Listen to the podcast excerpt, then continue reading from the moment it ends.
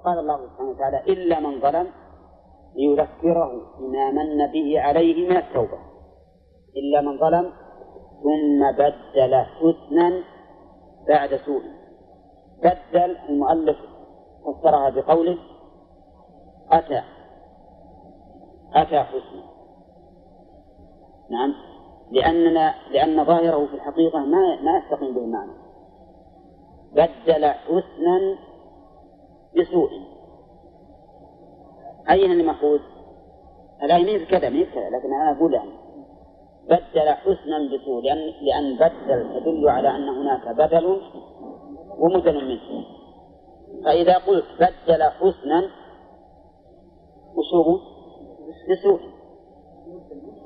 يصير الحسن مدفوع والسوء مأخوذ. أولى بدلت ثوبي بثوبك. أين المأخوذ؟ الأخير؟ الأخير. كذا ولا فهنا بدل حسنا لو أخذنا بظاهرها معناه أنه ترك حسنا وأخذ سوءا ولهذا فسر المؤلف قوله بدل بأتى. والدليل على ذلك أنه لو كان المراد بالتبديل ظاهر معناه أو ظاهر معناه ما صح أن يعبر بقوله بعد سوء بعد سوء. لو كان كذلك لقال بدل حسنا بسوء.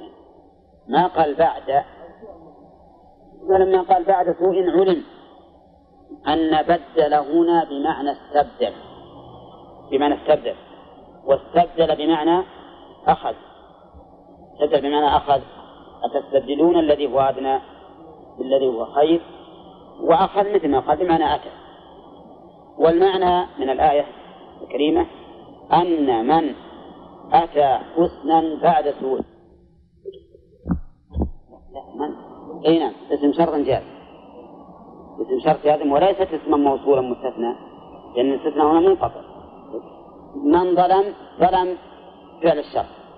وجملة فإني غفور رحيم جواب الشر أقول لو قال قائل ما وجه ارتباط الجواب بالشر. نعم. الظلم هو تبديل الظلم بالحسنى يناسب وفق العقل غام الرحمة أو يستحق والرحمة اي نعم الجواب على هذا أن نقول لما ذكر الله سبحانه وتعالى هذين الاسمين فإني غفور رحيم فإنه يريد مقتضاهما فمقتضى المغفرة أن يغفر لهذا الذي ظلم ثم بدل حسنا بعد سوء ومقتضى الرحمة أيضا أن يرحمه. ونظير هذا قوله تعالى في المحاربين إلا الذين تابوا من قبل أن تقدروا عليهم فاعلموا أن الله غفور رحيم. يعني معناه يسقط عنهم الحد. لأن هذا مقتضى المغفرة والرحمة. فهنا مقتضى المغفرة والرحمة أن من بدل حسنا بعد سوء فإن الله تبارك وتعالى يغفر له ويرحمه. طيب يشمل الرسل وغير الرسل؟ أه؟ نعم يشمل الرسل وغير الرسل. نعم يشمل الرسل وغيرهم. ومن ثم حسن أن أن يقول المؤلف ونقول معه أيضا أن إلا هنا الاستثناء منقطع لأنه يشمل الرسل وغير الرسل. طيب أما فوائد هذه الآيات فهي عليكم إن شاء الله في الدرس القادم. ولا تقولون إن ما أخذنا الفوائد من قبل؟ كل اللي سابق أخذين فوائد ولا إي نعم هذا إن شاء الله قدر. ها؟ لا لا. كل درسين جميع يفوتنا درس. مثلا وأدخل يدك في جيبك تخرج بيضاء من غير سوء. في تسع آيات إلى فرعون وقومه إنهم كانوا قوما فاسقين. فلما جاءتهم آياتنا مبصرة قالوا هذا سحر مبين. وجحدوا بها واستيقنتها أنفسهم ظلما وعلوا. فانظر كيف كان عاقبة المفسدين. ولقد آتينا داود وسليمان علما. وقال الحمد لله الذي فضلنا على كثير من عباده المؤمنين. وورث سليمان داود وقال يا أيها الناس علمنا منطق الطير. علمنا منطق الطير وأوتينا من كل شيء. إن هذا لهو الفضل المبين. إن أعوذ بالله من الشيطان الرجيم. قال الله تبارك وتعالى إذ قال موسى لأهله إني آنست نارا سآتيكم منها بخبر أو آتيكم بشهاد قبس لعلكم تصطلون أولا يستفاد من هذه الآية وأنتم قلتم أنا اللي أذكر الفوائد. نعم. يستفاد من هذه الآية حسن خلق موسى عليه الصلاة والسلام وذلك بمكالمته لأهله ومراجعته إياهم لما يهم الجميع. يعني أنه لم يذهب هو بدون أن يقول لهم هذا القول مما يدل على أنه يتراجع معهم فيما يهمهم وفي هذا دليل على أن الزوجة من الأهل وهذا هو القول الصحيح. فعلى هذا آل النبي صلى الله عليه وسلم يدخل فيهم أزواجه لأنها من الأهل. وقد اختلف العلماء فيما إذا أوصى الإنسان لأهله أو أوقف لأهله هل يدخل الزوجات في ذلك أم لا؟ والذين يقولون بعدم الدخول يردون ذلك إلى العرف ويقولون إن العرف عند الناس أن الزوجات ليسوا من الأهل. وإنما الأهل القرابة. وإذا كان هكذا فإنه يقال الزوجات من الأهل. فإذا أوقف الإنسان على أهل فلان أو على أو أوصى لهم دخل فيهم الزوجات بمقتضى اللغة. ثم إن وجد عرف مضطرب ينافي ذلك رجعنا فيه إلى العرف. لأن الصحيح أن الأقوال ترد إلى أعراف الناس وعاداتهم ترد معانيها إلى أعراف الناس وعاداتهم فإذا لم يوجد عرف رجعنا إلى الشرع أو اللغة حسب ما يكون ذلك. وفي هذا دليل نعم. إيه نعم. لأن هنا أهل بلا شك من زوجة ما معه ذلك. وفيه دليل على أن الأحوال البشرية تطرأ حتى على الأنبياء عليهم الصلاة والسلام. فإن موسى في تلك الليلة كان قد ضل الطريق ولم يهتدي إليه وقد أصابه البرد هو وأهله.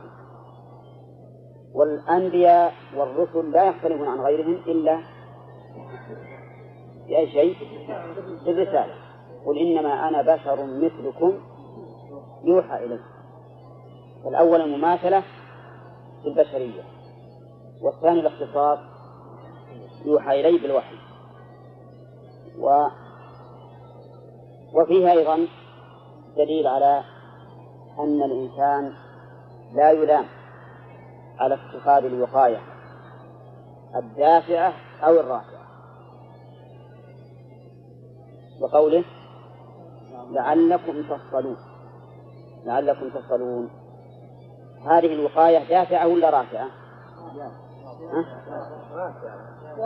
دافعة رافعة. نعم. دافعة رافعة.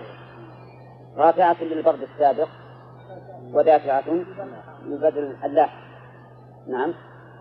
فاتخاذ الوقاية الدافعة أو الرافعة لا يلام عليه الإنسان بل إنه ربما يؤمر به. ربما يؤمر به أمر إيجاب أو أمر استحباب. حسب ما تقتضيه الحالة التي يريد أن يرفعها أو يدفعها وفي هذا وفي, وفي الآية دليل على قبول خبر الثقة. منين تؤخذ؟ آتيكم منها بخبر. سآتيكم منها بخبر. العمل بخبر الثقة هذا سائر. وأما من ليس بثقة فقد قال الله تعالى يا أيها الذين آمنوا إن جاءكم فاسق بنبأ فتبينوا أن تصيبوا قوما بجهالة. والناس في هذا المقام ثلاث أقسام قسم يوثق به وقسم لا يوثق به وقسم محتمل الذي لا يوثق به لا يقبل. والموثوق به يقبل والمجهول أو المحتمل نعم يتبين أمره. يتوقف حتى يتبين. أي نعم. سآتيكم هذا يخاطب أهله. ففيه دليل على مخاطبة الواحد بلفظ الجمع. لكن هذه فائدة لغوية. نعم. الصفة يختلف إذا كان أهله يعني لا يثق بين الناس فيكون بين أهله ثقة. الكلام على من يثق به عامة وخاصة لا عامة وخاصة يعني قد يكون هذا الإنسان معلوم الحال عندي أثق به وهو عند الناس مجهول يتوقفون في أمره. الكلام على الثقة الذي تثق به طيب لو أن رجلا قال إنه رأى الهلال وهو نظره ضعيف. وأخبر أنه رأى الهلال. والناس اللي معه ما, ما رأوا. ما يقبل القول له ثقة. يعني له عدل. أي نعم ما يقبل. ولهذا وقعت عند بعض بعض القضاة فيما سبق. رأى الناس الهلال فقال شيخ منهم إني رأيت الهلال. والناس اللي معه أقوى منه بصرا فقالوا ما رأيناه والشيخ هذا في حد دينه وأمانته موثوق به. وأصر على أنه رأى الهلال فقال القاضي ادن مني فدان منه ومسح حاجبه. فقال له انظر ترى الآن ما رأيت نعم. فإذا هي شعرة بيضاء. وهذه من ذكاء القاضي. من ذكاء القاضي. لأنه كيف الناس اللي معه ما, ما رأوا وهو رأى هذا ما يمكن. وهو ثقة ما هو رجل مخصوص في خبره لكن قد يهم ثم وفي فلما جاءها نودي أن بورك من في النار ومن حولها وسبحان الله رب العالمين. يستفاد من هذه الآية أولا إثبات كلام الله سبحانه وتعالى. لقوله نودي فإذا قال قائل الفعل هنا مبني للمجهول. لم يبين من المنادي. فلا دليل فيه على كلام الله. فما الجواب؟ ها؟ أولا تصريح في آية أخرى والثاني أيضا قوله في سياق الكلام يا موسى إنه أنا الله العزيز الحكيم. وفيه دليل على أن كلام الله سبحانه وتعالى بصوت. لقوله نودي والنداء لا يكون إلا بصوت. ففيه رد على طائفتين مر علينا قولهما بالأمس. من؟ الأشاعرة والكلابية. الذين يقولون إن كلام الله تعالى معنى قائم بنفسه. وهذا القول باطل لا. بأوجه كثيرة.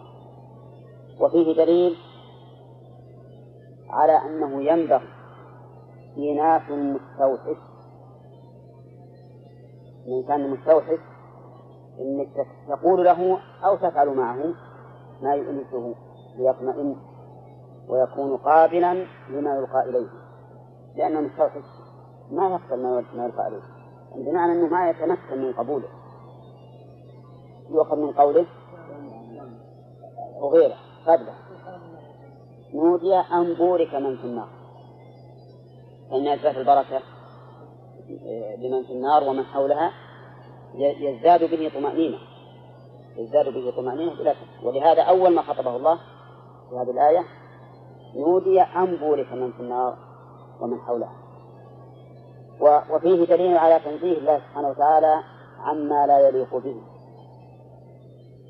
بقوله وسبحان الله. وفيه دليل على عموم ربوبية الله سبحانه وتعالى بقوله رب العالمين. وهل معه رب آخر؟ لو كان معه ما صار ربا للعالمين لو صار معه رب آخر لم يكن الله تعالى ربا للعالمين بل ربا لبعض العالمين. والله سبحانه وتعالى رب العالمين وقد ذكر الله سبحانه وتعالى أنه لا يمكن أن يكون مع الله إله آخر عقلا. فقال لو كان فيهما آلهة إلا الله لفسدتا ولم تفسده فدل على امتناع الآلهة الآلهة. بامتناع فسادهما دل على امتناع تعدد الآلهة. وقال تعالى ما اتخذ الله من ولد وما كان معه من إله. إذا لذهب كل إله بما خلق ولعلى بعضهم على بعض. سبحان الله عما يصفون. وهذا أمر لم يكن. فإثبات وحدانية الله سبحانه وتعالى في ربوبيته. معلوم. حتى المشركون في عهد الرسول صلى الله عليه وسلم كانوا يقرون بوحدانيته في الربوبية وفيه دليل على ثناء الله تبارك وتعالى على نفسه وأن ذلك من كماله فإنه أثنى على نفسه بقوله وسبحان الله رب العالمين أثنى على نفسه بنفي وإثبات. أولى النفي سبحان سبحان الله. والإثبات رب العالمين. ومن هنا نعرف أنه لا يتم الكمال لا يتم كمال الأوصاف إلا بهذين الأمرين وهما النفي والإثبات النفي والإثبات لأن إثبات الكمالات فقط لا يدل على نفي النقائص. ونفي النقائص فقط لا يدل على إثبات الكمالات. وباجتماعهما يحصل الكمال المطلق. باجتماعهما يحصل الكمال المطلق ولهذا قالوا لا بد من تخلية وتحلية. من تخلية وتحلية. وفيه دليل الآية دليل على أن جميع الخلق مربوبون لله سبحانه وتعالى يتصرف فيهم بمقتضى ربوبيته لقوله رب العالمين. ولهذا حكم الربوبية ما أحد يستطيع أن يخالفه كذا يا إبراهيم؟ ها؟ نعم إيه ما بس الآن وش وجهه؟ يجب رب العالمين والرب يتصرف في مالك يتصرف في مملوكه إيه؟ كما يشاء نعم ثم قال الله تبارك وتعالى يا موسى نعم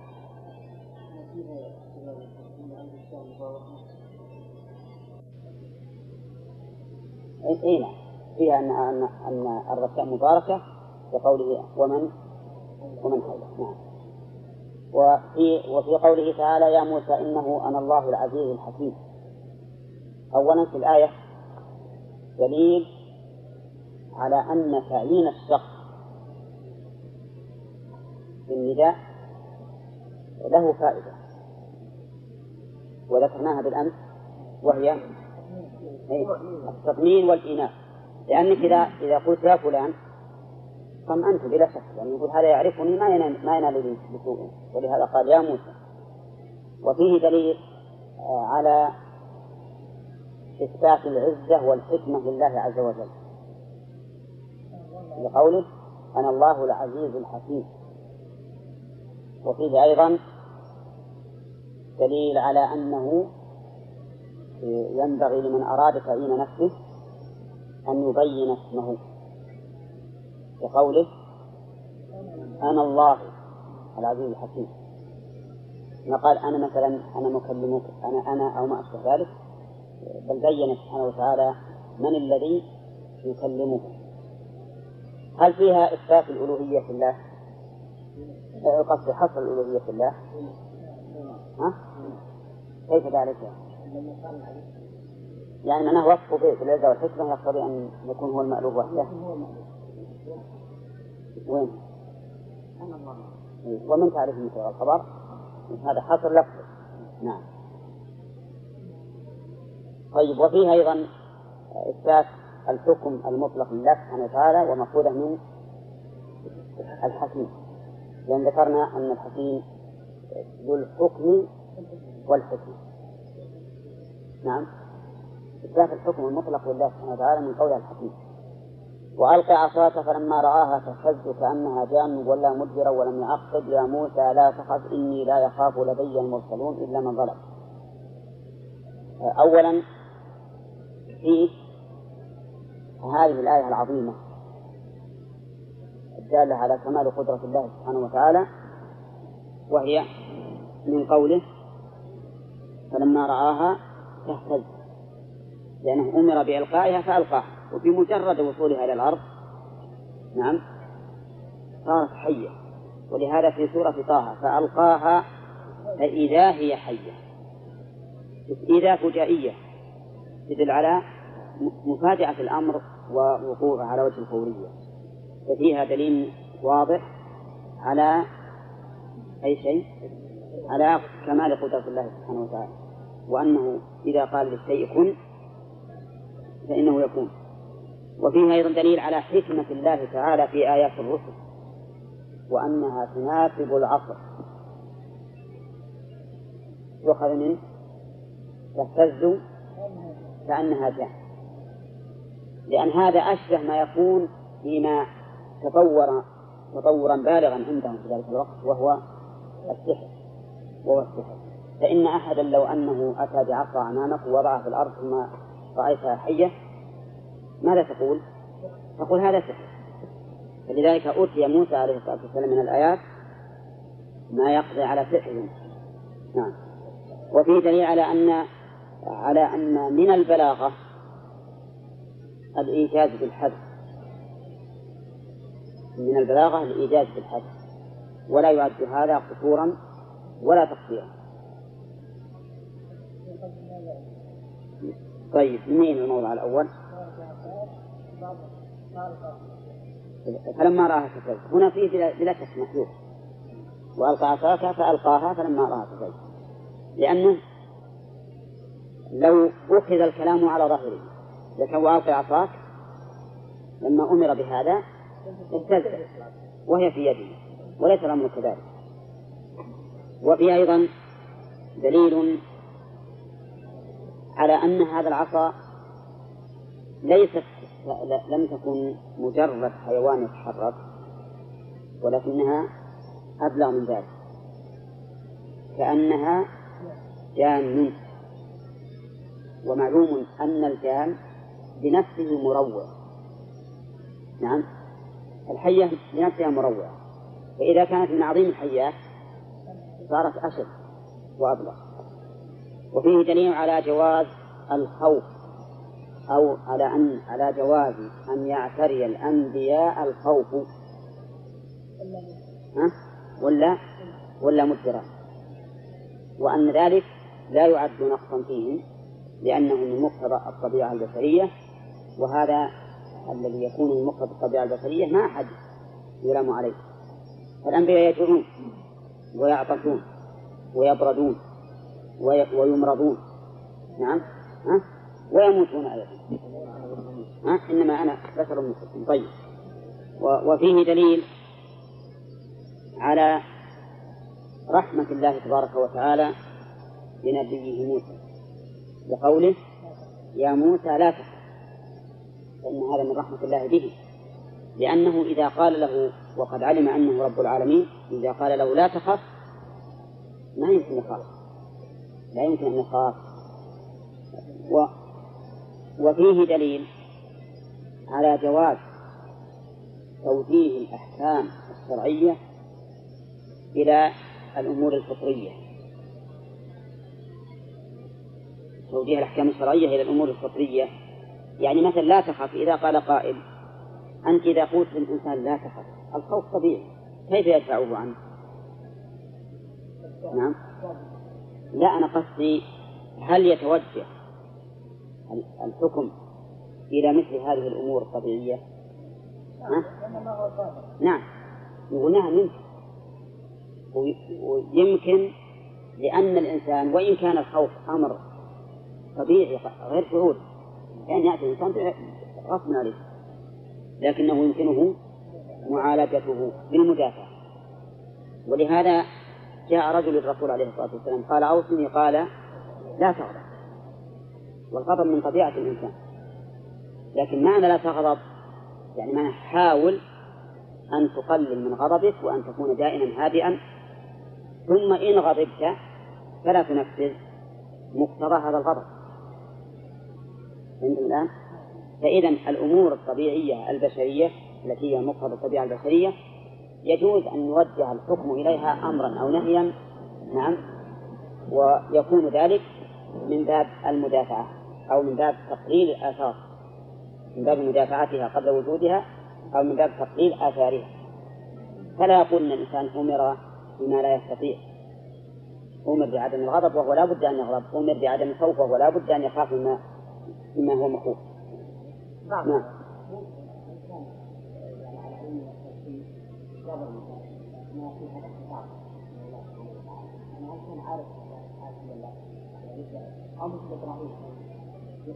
هو لما توجه سلطان مديان وش قال؟ يعرف الله من قبل النبوة فوق معرفة الله والتعبد له طيب وفيه أيضا دليل على أن من كان مع الله سبحانه وتعالى فإنه لا ينبغي أن يخاف. إني لا يخاف لدي المرسلون. إني لا يخاف لدي أي عندي المرسلون.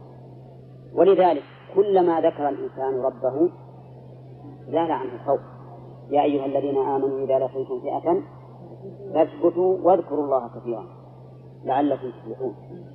ففي ذكر الله سبحانه وتعالى زوال الخوف والقوة والرغبة.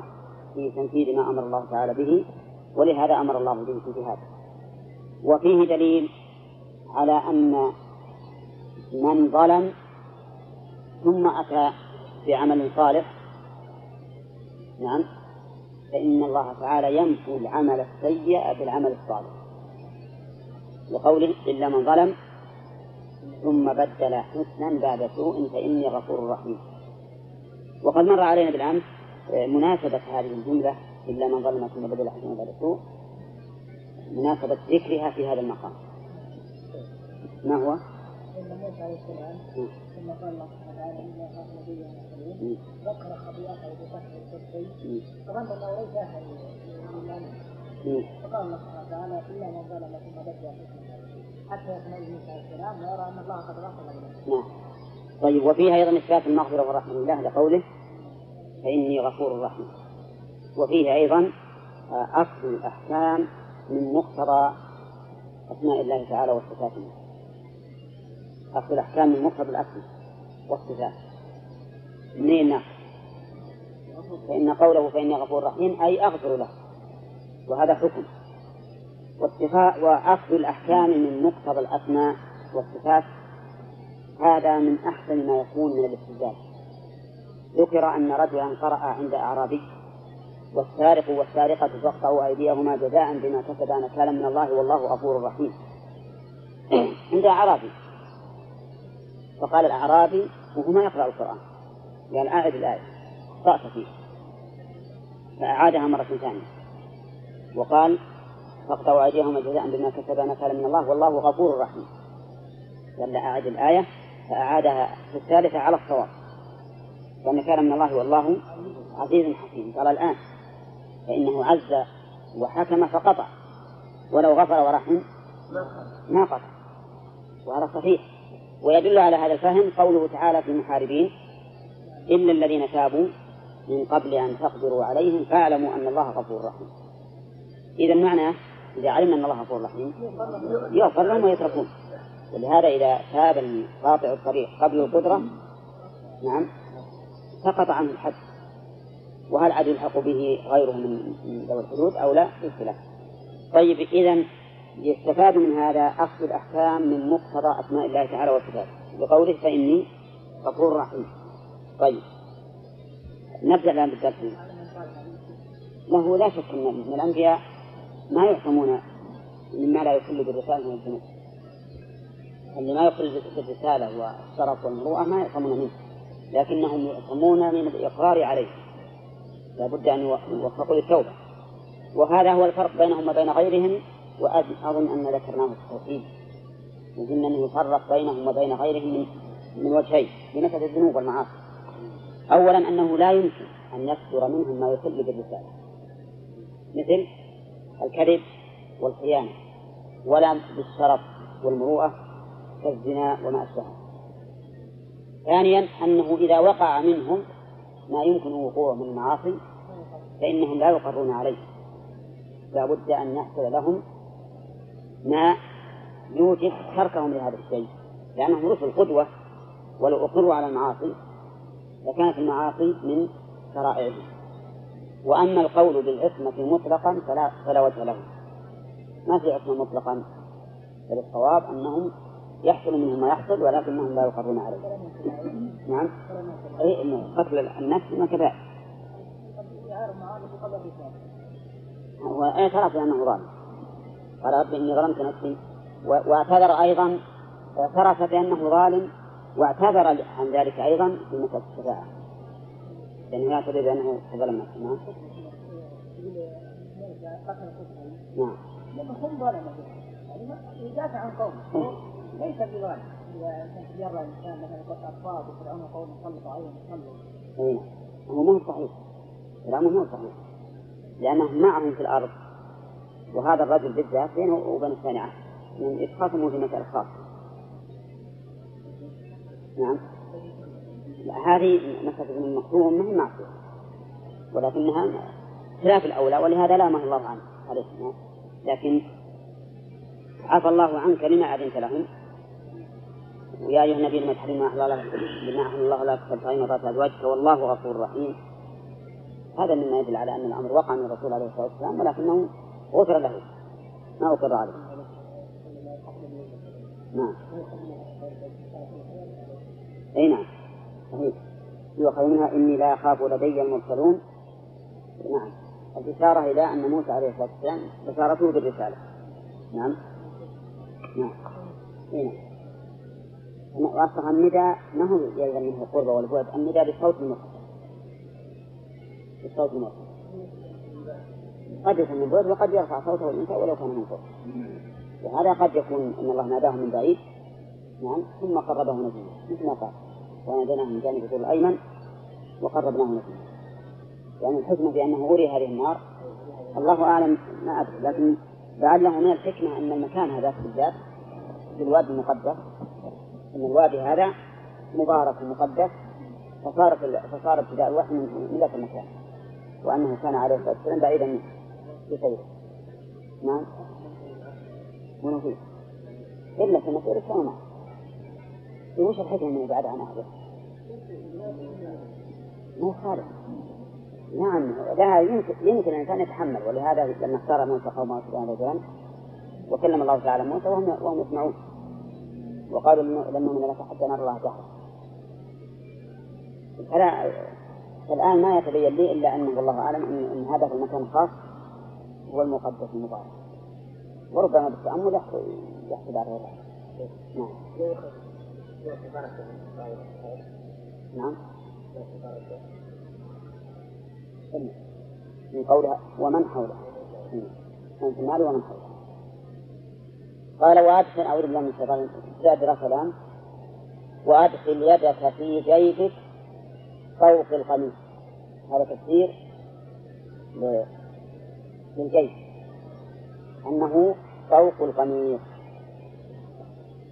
وقوله أدخل يدك اليد في اللغة تطلق على الكف فقط. ولا تشمل الذراع إلا مقيدة. والدليل على هذا أن الله تعالى لما قال في التيمم فامسحوا بوجوهكم وأيديكم. صار خاصا بالكفين.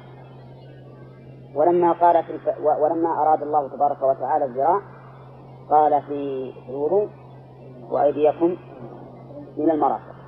إذا اللي أدخل حسب مقتضى اللغة العربية أن الذي أمر أن يدخله موسى ليس اليد والذراع بل الكف يغيبها في جيبه هكذا. نعم. في جيبه تخرج بيضاء تخرج مجزومة. تخرج مجزومة. مع أنها فعل مضارع.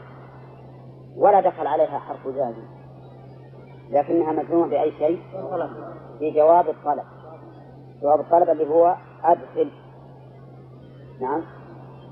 ومعروف أنه إذا سقطت الباء إذا سقط الباء وقصد الجزاء جزم هذه القاعدة.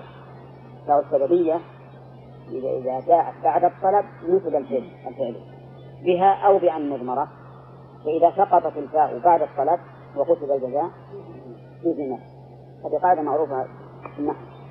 تخرج يعني اليد خلاف لونها من الأدمى بيضاء من غير سوء. منين أخذ المؤلف أنها كانت أن لونها الأدمى من قول تخرج بيضاء لأنها لو كانت بيضاء من قبل ما ما قال تخرج بيضاء فلا بد أنها تغيرت من اللون الأول إلى اللون الثاني. وقول بيضاء حال من فاعل تخرج. يعني حال كونها بيضاء من غير سوء. هذا تقييد لقوله بيضاء. لأن البيضاء قد يكون بياضها سوءا مثل البرق. فإنه سوء لأنه عيب يسوء صاحبه. نعم؟ لكنه قال من غير سوء. إذا بياض ليس كبياض البرق ولهذا يقول المؤلف يقول بيضاء من غير سوء برص. لها شعاع يغشى البصر آية. طيب أما قوله لها شعاع فهذا يحتاج إلى دليل. والله تبارك وتعالى ما ذكر إلا أنها بيض وكفى بذلك آية أن تدخل اليد على لون ثم تخرج بلون آخر. وأما زيادة الشعاع فإن الله تعالى لم يذكره وليس لنا أن نتجاوز في هذه الأمور ما دل عليه القرآن. لأننا ذكرنا فيما سبق أن المسائل الخبرية لا مجال للرأي فيها. المسائل الخبرية ما ما للرأي فيها مجال يقتصر فيها على أي شيء؟ على ما جاء به الخبر. يقتصر فيها على ما جاء به الخبر. فنقول هي بيضة وكفى بها آية. قال المؤلف آية في تسع آيات في للظرفية. فتكون الآية هذه وكذلك آية العصا تكون من جملة التسع نعم. وليست زائدة على التسع في تسع آيات مرسلا بها إلى فرعون وقومه عرف موسى آيتين منها من, من, هذه التسع وهي العصا واليد لكن بقي سبع آيات فما هي الآيات؟ ترى نسينا التوقيت لا يحرم الوقت كم باقي؟ لا الآن؟ لا لا ربع هو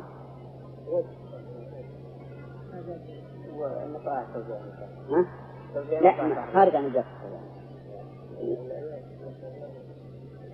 أظن باقي عشر الآن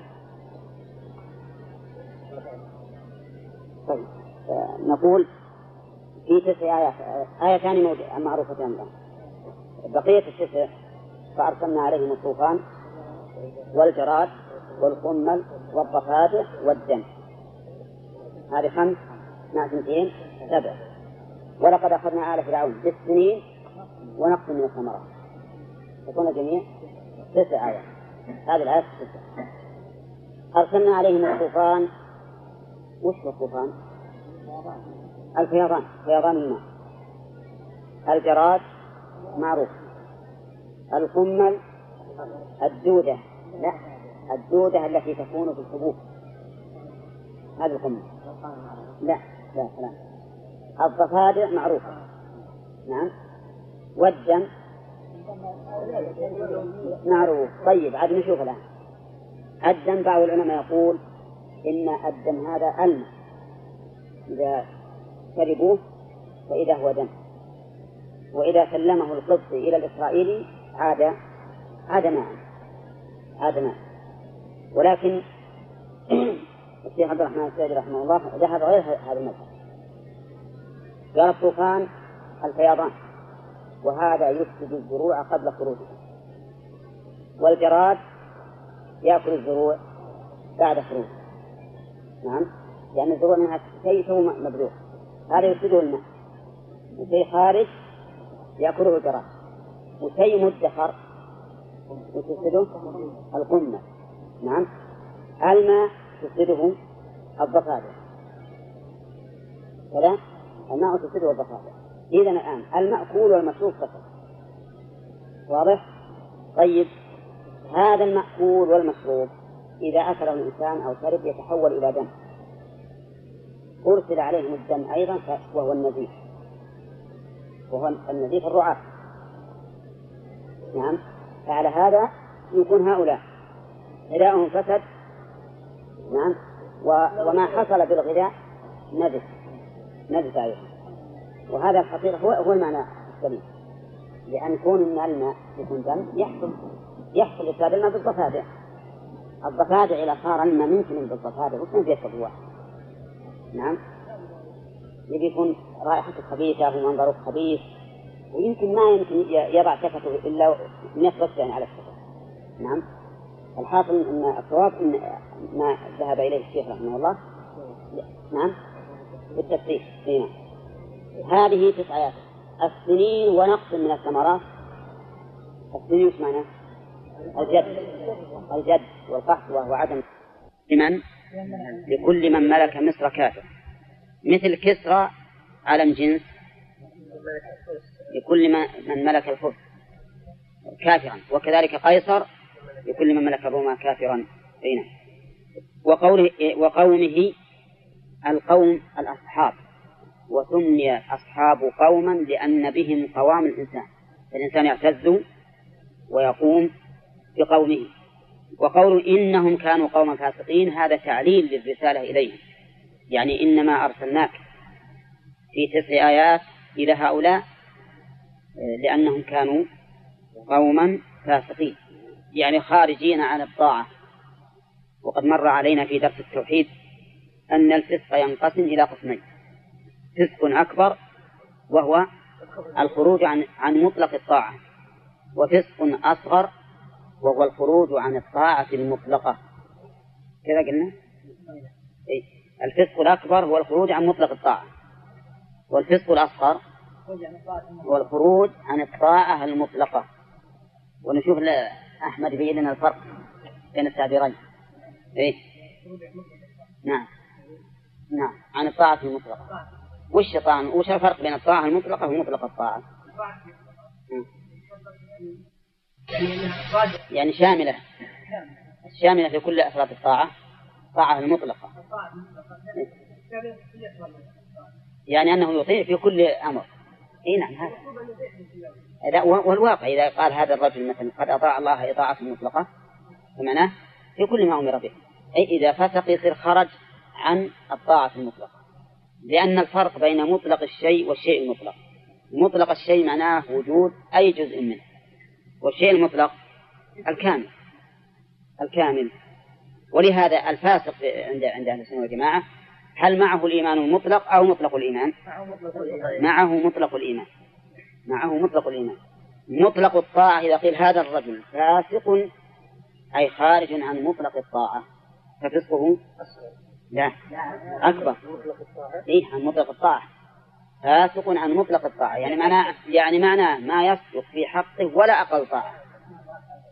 ما طاعة هذا كافر وإذا قيل هذا الفاسق خارج عن الطاعة المطلقة معناه أنه معه طاعة لكن الطاعة الكاملة معه ولذلك عندهم أيضا حتى في الفقه يقول هذا ماء مطلق وهذا مطلق ماء. قالوا ما تغير بالأشياء الطاهرة ليس ليس بطهور لأنه ليس بماء مطلق وإنما هو مطلق ماء. الكلام هذه يعني الفرق بين التعبيرين معروف عند الفقهاء وعند الأصوليين وعند أهل الكلام إن الفرق بين المطلق الشيء والشيء المطلق. الشيء المطلق معناه الكمال ومطلق الشيء معناها الأصل. معناها الأصل. طيب هنا إنهم كانوا قوما فاسقين. أي الفسقين؟ الفسق الأكبر لأنهم خارجون عن مطلق الطاعة ما عندهم طاعة. والفوائد إن شاء الله بنأجلها للدرس الثاني ولا فيه فوائد هذه كثيرة. إنهم كانوا قوما فاسقين. قال الله تعالى فلما جاءتهم آياتنا مبصرة. فلما جاءتهم الضمير يعود إلى فرعون وقومه. نعم. وقول آياتنا أي العلامات الدالة. العلامات الدالة على صدق موسى صلى الله عليه وسلم برسالته وعلى أحقية ما دعا إليه. لأن الآيات التي بعث الله بها موسى تدل على أمرين. على صدق موسى وهذا تأييد له وعلى صحة ما جاء به. وعلى صحة ما جاء به. الآيات هذه تشمل الأمرين. وقوله مبصرة. فسر المؤلف أي مضيئة واضحة. وهنا كلمة مبصرة اسم فاعل والفعل منها أبصر. فهل الآيات هي التي فيها البصر؟ أو مبصرة جاعلة غيرها يبصر بها. جاعلة غيرها ها؟ يجوز. طيب. أيهن أبلغ؟ الثاني أبلغ. أنها جاعلة غيرها يبصر بها. يعني أنها تبصر غيرها. الآيات هذه هي بنفسها ظاهرة واضحة. والذي يراها يبصر بها. الذي يراها يبصر بها. ولهذا نقول مبصرة هي تعني أنها باصرة بنفسها وموجدة للإبصار في غيرها لما جاءتهم هذه الآيات المبصرة كان الجواب قالوا هذا أي ما جاءنا ولم يقولوا هذه الآيات لأجل أن يبلغ أن يشمل كل شيء. هذا الذي جاءنا من الآيات وغير الآيات سحر مبين بين ظاهر. فمبين هنا على رأي تفسير المؤلف وهو واقع.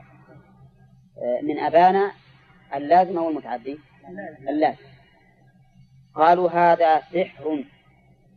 السحر معناه في اللغة العربية كل شيء صار خفي السبب. ما خفي سببه ولطف يسمى سحرا. نعم. ولهذا ذكر ابن كثير أقسام السحر في تفسيره. وذكر من جملة السحر الساعات. الساعات اللي تطورت إلى إلى إلى إلى ما ترون الآن. لماذا؟ لأنها هي خفية السبب. عندك الآن الساعات وش اللي يمشيها العقرب هذه؟ وش اللي نعم. أو أبلغ من هذا جاءت الأخيرة هذه الإلكترونية. وش اللي يجعل هذا المسمار إذا غمزته تحول التاريخ نعم إلى توقيت آخر؟ أو أظهر لك تاريخ الشهر أو اليوم. نعم لو جاءت بغير الوقت كان الناس يتعجبون بها. نعم. يعني يكون سحر مستحب ها؟ يكون سحر مستحب لا هذا هو يسمى سحر لغة لكن شرعا لا. ليس بسحر لأن السحر شرعا هو عبارة عن عقد وعزائم ورقى.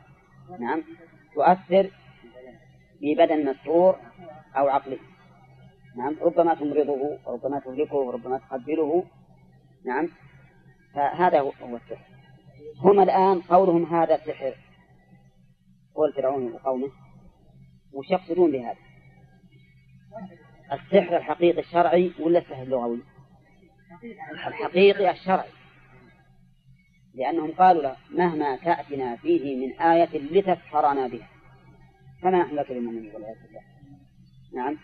فهم قالوا هذا سحر مبين وهذا الجواب ليس ليس صادرا من من فرعون فقط بل جميع المكذبين للرسل نعم قالوا هذا. قال الله تعالى في سورة قبل الذاريات كذلك ما أتى الذين من قبلهم من رسول إلا قالوا ساحر أو مجنون. ما أتى الذين من قبلهم من رسول كل الرسل السابقين يقول أقوامهم هكذا. أتواصوا به؟ لا ما تواصوا به لكن الجامع المشترك الطغيان بل هم قوم طاغون. نعم؟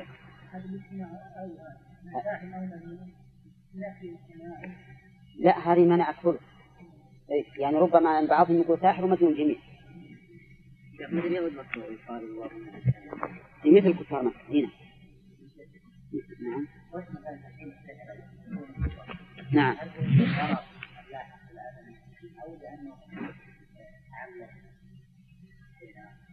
لا مجرد الضرر ما يقتضي الكفر بالحقيقة. ولهذا لو ضريت الإنسان بدواء كسم وشبهه ما ترى ما ترى كفر لكنه ظاهر ما يقترن به من من أحوال شيطانية نعم واعتقاد أن هذا مؤثر بدون الله سبحانه وتعالى هذا هذا هو الظاهر.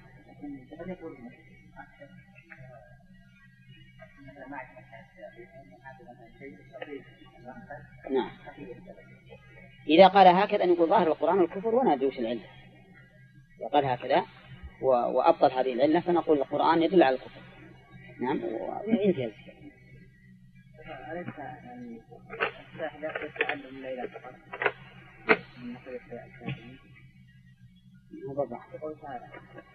إنما نحن فتنة فلا تكفر. ما يخالف. تكفر بتعلم السحر لا مهم معنى فلا تكفر بشيء ثم تتعلم السحر ولهذا قال وما يعلمان من أحد حتى يقول إنما نحن فتنة فلا تكفر. يعني في هذا التعلم. إيه لكن تعلم السحر يعني ما يتعلم لا سلام. معناه أن تعلم السحر نفسه كفر. لأن هذا خلاف ظاهر اللفظ معناه أنه يكون يكفر بشيء لم يذكر في القرآن. والآية ظاهرها أن الكفر يكون بالتعلم نفسه. صلاة الأوابين. نعم. أي صحيح. هو بنتكلم فيها الآن مسألة المسألة قلنا نبحث عن حديثي عائشة رضي الله عنها. كان كان النبي صلى الله عليه وسلم يصلي أربعا ويزيد ما شاء الله. وما رأيته صلى صبحة الضحى. جاءتهم آياتنا فلما جاءتهم آياتنا مبصرة قالوا هذا سحر مبين. وجحدوا بها واستيقنتها أنفسهم ظلما وعلوا. فانظر كيف كان عاقبة المفسدين. ولقد آتينا داود وسليمان علما وقال الحمد لله الذي الذي فضلنا على كثير من عباده المؤمنين. وورث سليمان داود وقال يا أيها الناس علمنا منطق الطير. وأوتينا من كل شيء إن هذا لهو الفضل المبين. وحشر لسليمان جنوده من الجن والإنس والطير فهم يوزعون. حتى إذا أتوا على وادي النمل قالت نملة يا أيها النمل ادخلوا مساكنكم لا يحطمنكم سليمان وجنوده وهم لا يشعرون. فتبسم ضاحكا من قولها وقال رب أوزعني أن أشكر نعمتك التي أنعمت علي وعلى والدي وأن أعمل صالحا ترضاه وأدخلني برحمتك في عبادك الصالحين. أعوذ بالله من الشيطان الرجيم. فوائد الدرس الماضي. أولا في قوله تعالى وأدخل يدك في جيبك تخرج بيضاء من غير سوء. فيه آية من آيات الله سبحانه وتعالى. وذلك أن يده دخلت على طبيعتها ثم خرجت بيضاء من غير سوء. بلحظة. لأن قوله أدخل تخرج. هي تخرج جواب لأدخل فالمعنى أن في مجرد الإدخال تخرج هكذا وهذا من آيات الله سبحانه وتعالى. نعم؟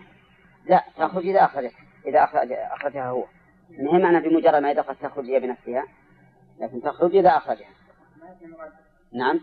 لا تخرج منه. إذا أخرجها فإذا هي بيضاء. وفيها أيضا دليل على حكمة الله تبارك وتعالى في آيات الأنبياء حيث تكون مناسبة للعصر الذي بعثوا فيه.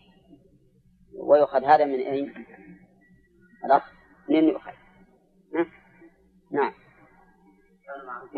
وهذه الآية تشبه ها؟ تشبه السحر. أولا. لكنها حقيقة. والسحر خيال. السحر ما يمكن يقلب اليد إلى بيضاء أو, أو المتحرك إلى ساكن أو الساكن إلى متحرك ما يمكن يقلبه حقيقة. لكن هذه الآية حقيقة. وفيه أيضا دليل على مبدأ الاحتراز في الكلام. ينبغي الاحتراز في الكلام عندما يوهم الشيء لأمر يحترز منه. بقوله صالح؟ نعم. بقوله من غير سوء.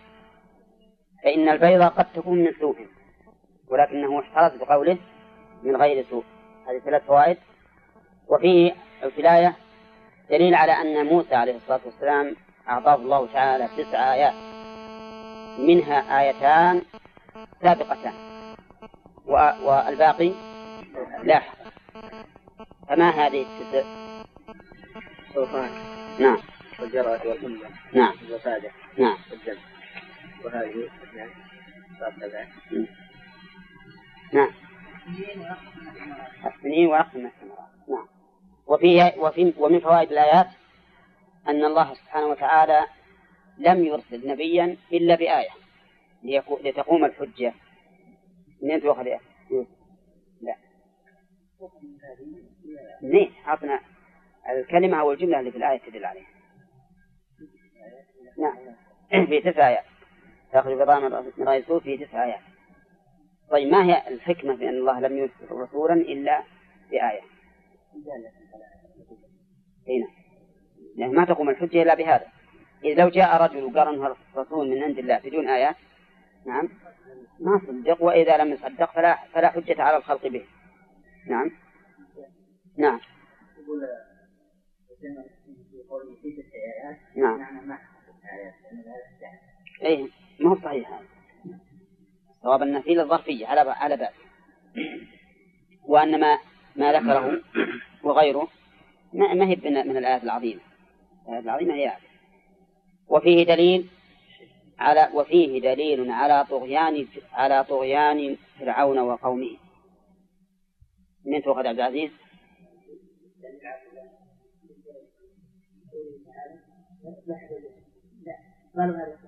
ما لا. ما لأن ما قال. إنهم كانوا قوما فاسقين. ترى أنا ما نقبل أن الواحد يأخذ كل جملة لأن على كل حال بيلقاه ها؟ طيب وفيه دليل على أنه ينبغي أو أنه من من الفصاحة والبلاغة قرن الحكم بتعليله. قول انه لما ذكر إلى في ذكر اياتنا فرعون وقومه انهم كانوا قوما فاسقين لم يستجيبوا لم يستجيبوا من بعد ما بعد جاءهم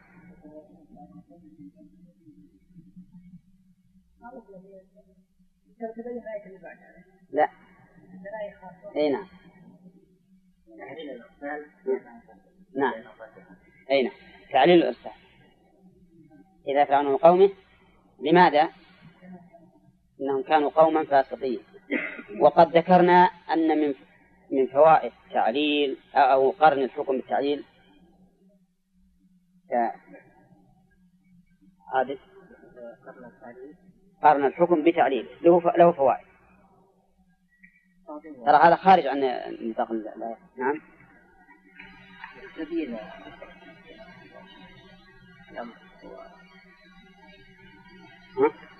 تعطينا أنت يمكن فاهمة لكن نعم. ثمانية مكلف مم. وإن كان في يسأل عن شيء طيب. بيان يعني كيف الله سبحانه وتعالى زين. ها؟ هو ذكر ثلاث الشريعة. نعم. أيضا العموم. التعميم بعموم العلة. كذا؟ إذا ذكرت العلة فلها ثلاث فوائد. اللي إحنا نعرف يعني منها يمكن يكون أكثر. أولا بيان حكمة الله سبحانه وتعالى في تشريعه وقضائه. الثاني التعميم بعموم العلة والثالث أن المخاطب يطمئن إذا علم حكمة الحكم يزداد طمأنينة واضح؟ ها؟ ها؟ أي طمأنينة العبد الفائدة أن أن أن التعليل الحكم. أنه من البلاغة قرن الحكم بتعليله طيب. و- وفيه دليل على أن الفسق يطلق على الكفر. الفسق يطلق على الكفر. منين يا أخ؟ ها؟ طيب. نعم. من قوله إنهم كانوا قوما فاسقين. وقد ذكرنا أن الفسق نوعان. فسق مطلق ومطلق فسق. فالفسق المطلق هو الكفر. ومطلق الفسق هو العصيان من المؤمنين. يعني معه مطلق فسق. إذ أن أصل الفسق هو الخروج عن الطاعة فإن كان خروجا كاملا شاملا فهو فسق مطلق. وإن كان بعد خروج فهو مطلق فسق. وفي ثم قال فلما جاءتهم آياتنا مبصرة قالوا هذا سحر مبين. نستفاد من هذه الآية أن الحجة قامت على على فرعون وقومه حيث جاءتهم الآية مبصرة. كذا. وفيه من الفوائد في هذه الآية أن آيات الله سبحانه وتعالى فيها الإبصار. فهل هي مبصرة بنفسها يعني باصرة أو مبصرة لغيرها؟ ها؟ كلاهما. هي مبصرة بمعنى أنها هي باصرة وكذلك تبصر غيرها. نعم تبصر غيرها وتدل عليه. في هذا دليل على أن آيات الله سبحانه وتعالى بينة واضحة بينة واضحة توضح الحق. ولولا ذلك ما كانت آيات وفيه فيها دليل. دليل على عظم طغيان فرعون وقومه بقولهم هذا سحر مبين. وفي أيضا مبالغة صاحب الباطل بدعواه حيث قالوا نعم ساحر سحر مبين سحر مبين يعني بين ظاهر. ما في إشكال. وهكذا المدعي يأتي بالكلمات التي تشبه تشبه على الخلق حتى يصل إلى ما يريد من الباطل. طيب وهنا لماذا قال هذا سحر ولم يقل هذه مع أنه قال آياتنا؟ آياتنا مبصرة محمد؟ تجد يشمل كل ما جاء. حتى يشمل حتى موسى نفسه. يكون ساحرا. نبدأ بدرس الجديد الآن. عندك شيء علي؟ سؤال؟ لا هذا قوله عندما ذكر أنه يرسل في تسع آيات. نعم. وأنه لا نقول أن أن القرائن تقوي شيء. يعني تزيد من قوة الشيء. الدلائل يعني قصدك. نعم هو الدلائل. الدلائل لا هو هذه قلنا في هذه قلنا في الحقيقة إن إنه الأشياء ما تثبت إلا بدلائلها وأنه لا بد من بينات على الأمر. إيه. ثم قال نعم. أي نعم. نعم هذا قلنا قبل قليل إن الآيات هذه منها شيء حاضر وهما اثنتان وشيء لا. إيه وهو ما جاء. أنا ستجي. ثم قال وجحدوا بها واستيقنتها أنفسهم. جحدوا الضمير يعود على فرعون وقومه. والجحد الإنكار. وجحد يتعدى بنفسه. ولكنه قد يضمن معنى التكذيب فيتعدى بالباء. وجحدوا مكذبين بها. فهنا الجحد ضمن معنى التكذيب. ولهذا تعدى بالباء.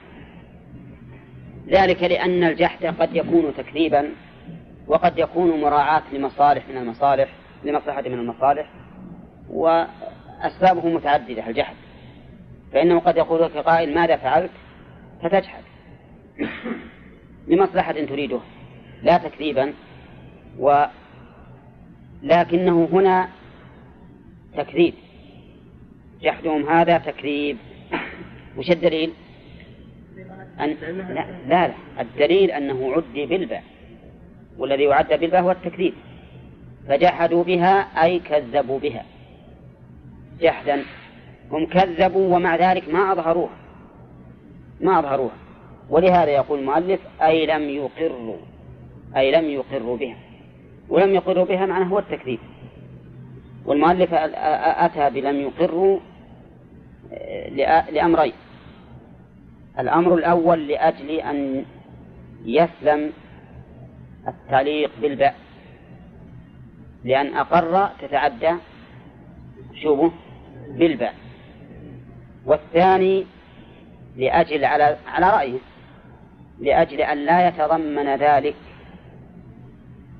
إخفاءها لمن طلبها إخفاءها لمن طلبها.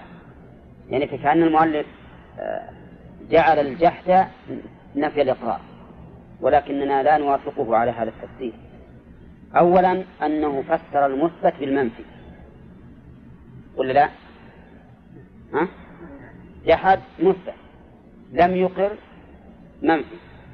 الثاني أنه بتفسيره هذا يفوت معنى دلت عليه الآية. وهي وهو كتمانهم لهذه الآيات لو سئلوا عنها. فهمتم؟ كتمانهم لو سئلوا. لأن كون الإنسان ما يقر مهم مثل ما إذا جحد وكتم عن غيره. فالآية فإبقاء الآية على ما هي عليه. ويقال إنه عدي الجحد بالباء لماذا؟ لتضمينه معنى التكليف. ويكون دالا على أمرين على إخفائها عند طلبها وعلى التكذيب بها عند عرضها. الآية بلا شك ولا حاجة أن نقول أن الآية أبلغ مما ذكر المؤلف لكننا نقول أن تفسير المؤلف لها فيه نظر من وجهين الوجه الأول تفسير الإثبات بالنفي وهذا قصور. والثاني أنه فوت معنى وهو الجحود عند السؤال. فهو تكذيب عند العرض وجحود عند الطلب. قال نعم. نعم. إيه معلوم. هم يكذبون ويخفون ولكنهم متيقنين. إيه هم ما اعترفوا ظاهرا. إنما كلام بس تفسيره بهذا خطأ قال وقد استيقنتها أنفسهم. أي تيقنوا. باركم يا جماعة. المؤلف قال وقد استيقنتها. فما الذي أوجب له أن يقدر قد نعم.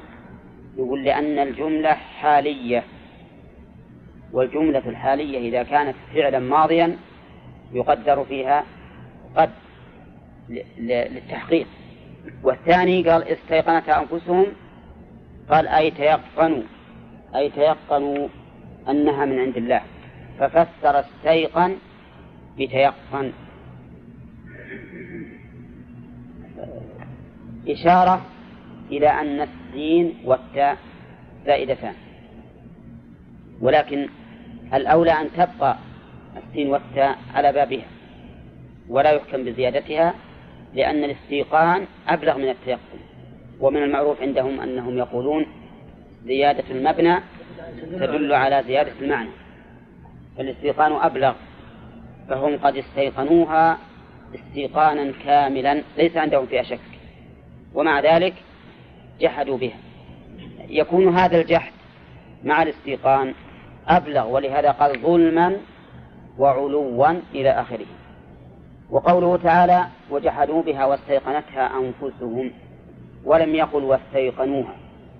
فإضافة الاستيقان إلى النفس أبلغ أي أنه يقين بلغ نفوسهم.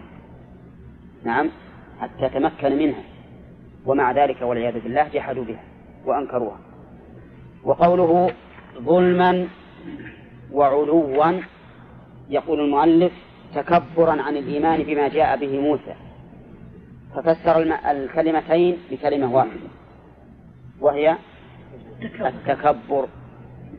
ولكنه أيضا لو نظرنا إلى الآية الكريمة وجدنا أنها أبلغ مما فسرها به. قوله ظلما الظلم في الأصل النقص. ومنه قوله تعالى كلتا الجنتين آتت أكلها ولم تظلم منه شيئا. إيش معنى لم تظلم منه؟ أي لم تنقص. فالأصل فيه أنه بمعنى النقص. وكل من نقص حق غيره فهو ظالم. فهو ظالم. إذا نقص الإنسان حق نفسه فهو ظالم له. إذا نقص حق غيره فهو ظالم له. هنا هؤلاء نقصوا حق موسى عليه الصلاة والسلام. فهم ظالمون. ونقصوا حق أنفسهم حيث لم يقودوها إلى ما فيها صلاح إلى ما فيه صلاحها فهم أيضا ظالمون. ثم هذا الظلم والنقص ما الحامل عليه؟ قال علوا وهذا معنى غير الظلم. يعني أنه أن ترفعا عما جاء به موسى عليه الصلاة والسلام. يرون أن موسى ما من موسى الذي يأتي إلى فرعون؟ الذي يقول لقومه أنا ربكم الأعلى ثم يقول أنا رسول إليك لا بد أن تتبعني. بطبيعة البشر الفاسق أن يترفع يقول أبدا. فلهذا جحدوا ظلما لمن؟ لموسى وأنفسهم علوا ترفعا عن موسى وعما جاء به أيضا. فهم والعياذ بالله اتصفوا بالوصفين. وقوله ظلما وعلوا يقول المؤلف راجع إلى الجحد صحيح لا إلى الاستيقان. لأن الاستيقان هو ظلم ها؟ إلى استيقنوا أن إن إن, موسى صادق ها؟ ما هو ظلم هذا حق. هذا عدل وتواضع. استيقانهم عدل وتواضع لكن ما استيقنوا هم ما استيقنوا يعني من قادوا لهذا الاستيقان. إذا فهو راجع إلى إلى الجحد. يعني جحدوا بها ظلما وعلوا لكن فائدة الإتيان بالجملة الحالية واستيقنتها فائدة الإتيان بها بين المتعلق والمتعلقه فائدته فائدتها التشنيع عليهم المبادرة بالتشنيع عليهم لأن كونهم يجحدون مع الاستيقان أشد وأعظم. نعم. الجاحد مع الشك قد يعذر. نعم. لكن مع الاستيقان لا وجه له. ففائدة ففائدة الاعتراض بالجملة الحالية واستيقنتها بين المتعلق ومتعلقه. مش فائدتها؟ نعم. المبادرة بالتشنيع عليه. وبيان أنهم بلغوا في هذا الوصف غايته اللي هو الظلم والعلو. طيب ما إعراب ظلما وعلوا؟ هل هي مفعول لأجله؟ يعني من أجل الظلم والعلو أو هي مصدر بمعنى الحال أي ظالمين عالين. ها؟ ها. الأخير أولى. الأخير أولى. لأن الظلم والعلو إذا جعلنا مفعول من أجله فهو سابق على الجحد فهو سابق على الجحد إذ أنهم ظلموا وعلوا ثم جحدوا فعلى هذا نقول إن ظلما وعلوا إنها مصدر بمعنى اسم الفاعل.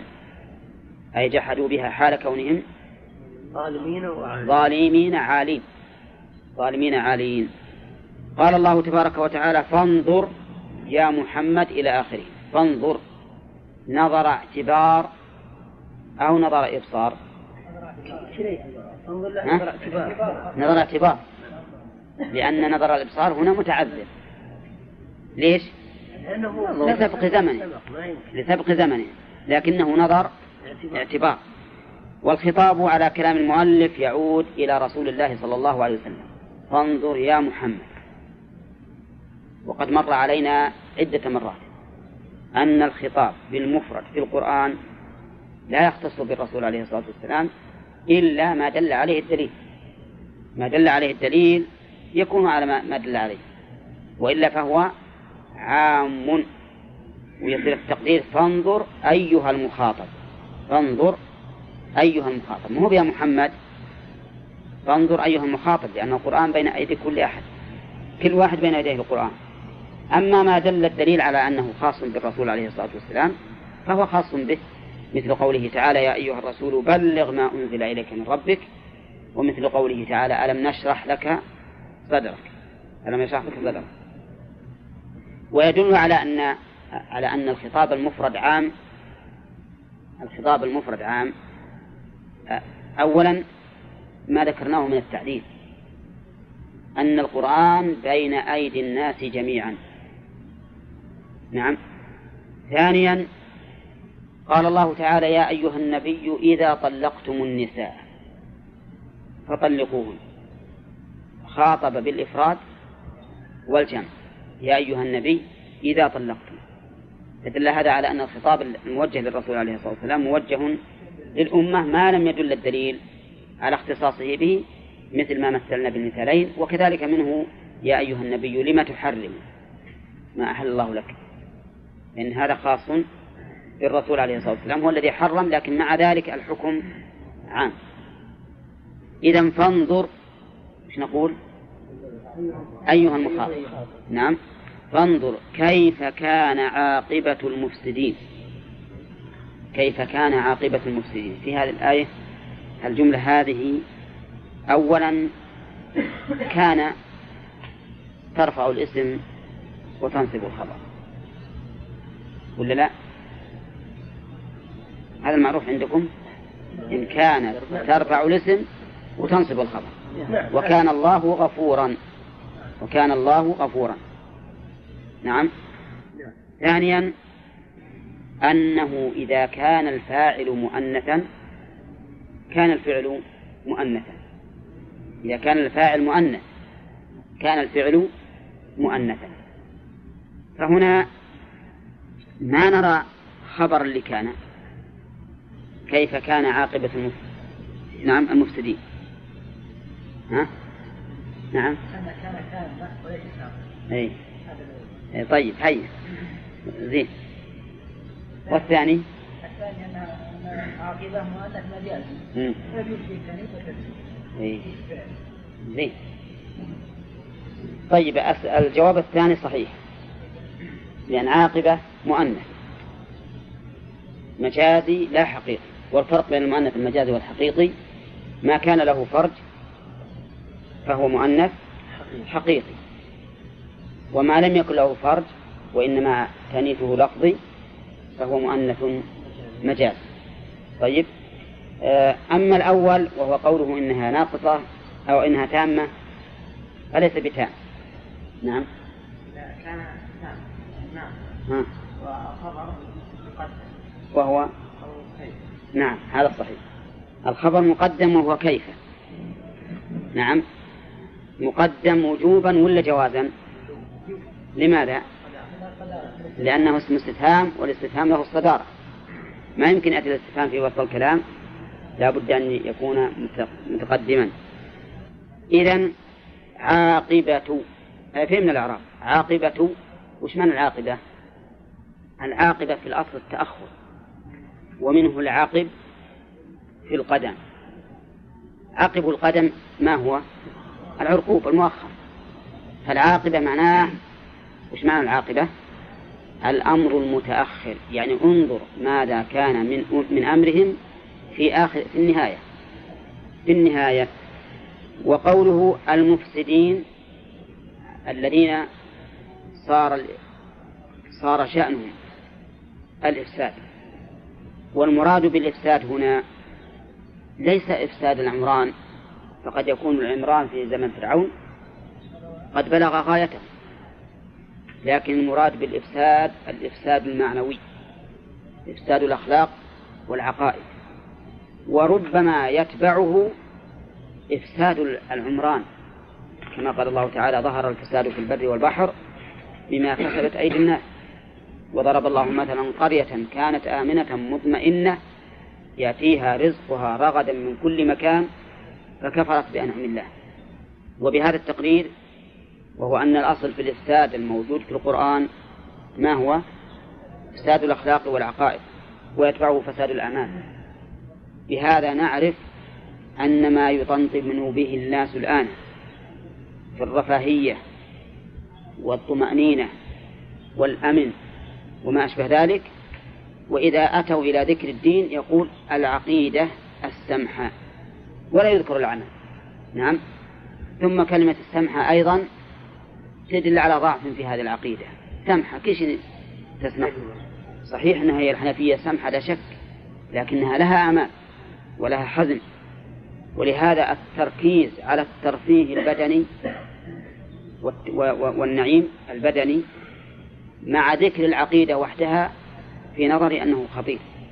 لأنه يبقى كل واحد ينشد وش ينشد؟ هذين الأمرين. يقول أنا عندي عقيدة سليمة. عقيدة سمحة لينة هينة كل شيء تقبله. نعم. ويقول أنا أنشد أيضا رفاهية البدن والأمن وما أشبه ذلك. لكن استقامة الدين والسعي في إقامته بين الناس في الأمر بالمعروف والنهي عن المنكر والجهاد في سبيل الله هذا أمر لا يكاد يذكر. نعم. وفي الحقيقة أن الرفاهية إذا كانت للبدن وحده فهي فساد. ما يدوم هذا أبدا. لا يمكن أن يدوم. على أن الرفاهية المطلقة للبدن لا بد أن تكون مصحوبة بقلق في القلب. لأن الله تعالى إنما ضمن الحياة الطيبة لمن؟ أي نعم. من عمل صالحا من ذكر أو أنثى وهو مؤمن شوف عقيدة وعمل. وبدأ بالعمل أيضا. من عمل صالحا من ذكر أو أنثى وهو مؤمن فلنحيينه حياة طيبة. ولنجزينهم أجرهم بأحسن ما كانوا يعملون. نعم. حياة طيبة في الدنيا وأجر حسن في الآخرة. هذا الذي يجب أن يركز عليه. أما الرفاهية المطلقة فإنها ضرر ضرر عظيم على الإنسان. توجب الغفلة عن الله سبحانه وتعالى وانشغال الإنسان بطلب الرفاهية الجسدية الزائلة. يقول بعض السلف لو يعلم الملوك وأبناء الملوك ما نحن فيه لجالدونا عليه بالسيوف. قالوا أعطونا اللي أنتم فيه من النعيم والسرور وانشراح الصدر وما أشبه ذلك. طيب إذا المفسد.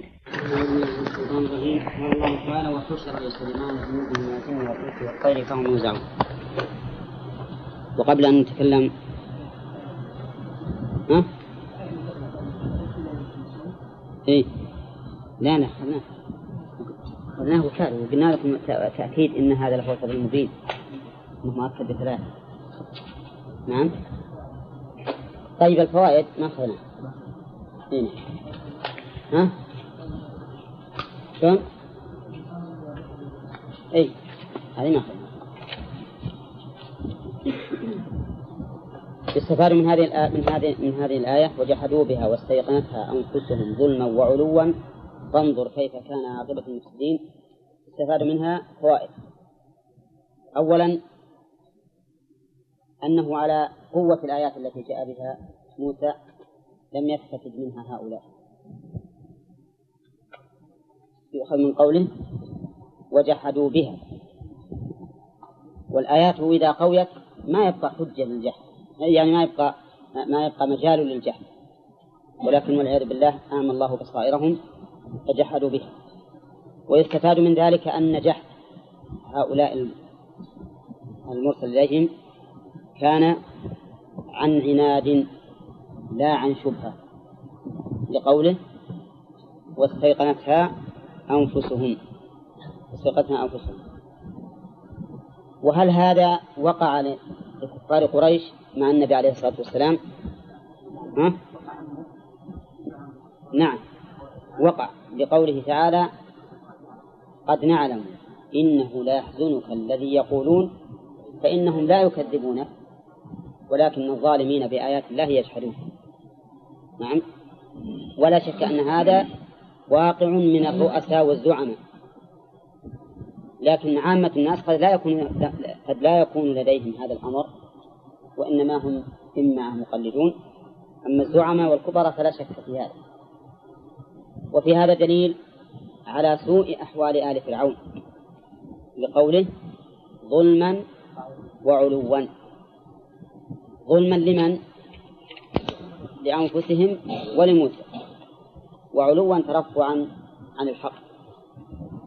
وفي هذا وفيها دليل على أن الاتصاف بهذين الوصفين يجعل الإنسان من الأمة الفرعونية. وهما الظلم والعلو.